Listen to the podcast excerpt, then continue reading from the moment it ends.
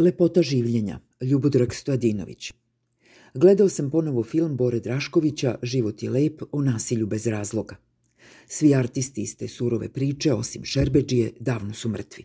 I film Život je lep Roberta Beninija o tome kako se može uneti radost i nada u logor smrti. Video sam pisani rad Osnovca pod naslovom Lepo je živeti. Dečak piše o tome šta sve želi. Mnogo toga, a najviše da bude futbaler. Ronalda majka nije volela, ono kad je bio u njenom stomaku, piše on, a sada ga voli najviše. Kada me svi zavole, jer mislim da dam gol za Srbiju, možda se mama javi da je upoznam. Tada bi bilo lepo živeti. Starac u ritama sedi na klupi na obodu Zvezdarske šume. Daj mi malo za hleb, veli. Dobro i za rakiju ako imaš, smrzao sam se. I da malo slušaš šta ti govorim. Njegovo pripovedanje je bilo sasvim kratko. Bio sam ugledan čovek, imao sam sve, a sada sam ovo, ubio me život. Žena u prodavnici govori glasno, ne vidim kome. Bije me svaki dan, ne mogu da ostanem, a nemam gde da idem. To ga je uhvatilo prošlog leta kad je izgubio posao. Pije šta nađe, ubi Boga u meni, a lepo smo živeli. Život je samo jedan, ispisuje svoju dnevnu mudrost poznavalac tabloidne lepote. Valja ga proživeti punim plućima. Puna pluća.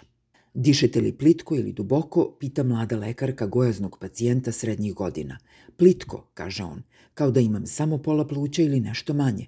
Kad ležim, kao da imam stenu na grudima. Bole me kosti, to je valjda što sam otežao. Nervozan sam, ljut na sve oko sebe, jedem kao manijak. A pazio sam, nosio masku. U stvari, bio sam na jednoj svadbi. Samo se na veseljima vidi koliko je život lep. Ali eto, Na svadbama se svi ljube, tri puta po tri puta, svako sa svakim. Šta sam mogao? Na novom groblju ispraćaj za kremaciju. Čovek je bio poznat, puno groblje poznatih. U oproštajnom govoru prijatelja nema smrti, samo opis bogatog života pokojnika koji se nije štedeo i umeo da živi punim plućima. I kako sad bez njega i svih koji su otišli.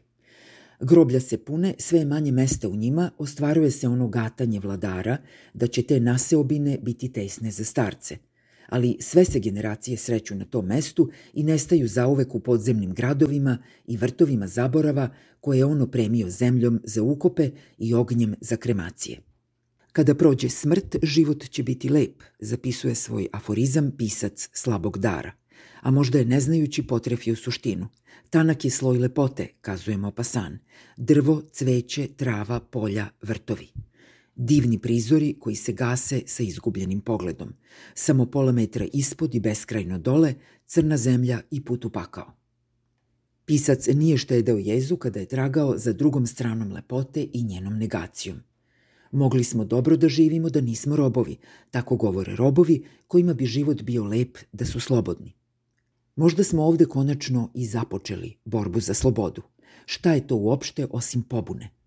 Vinjete o lepoti i stravi života i učestalosti umiranja deo su mozaika o ovom delu sveta koji nestaje pred našim očima. Jedino mesto za život koji nam se udeljuje i oduzima tiradama i besramnim cinizmom hulje. Nikada nam nije bilo bolje, ne znam šta hoćete. Potpisaću zakone, a možda i neću. Ne sećam se šta sam potpisao, valjda jesam ili nisam.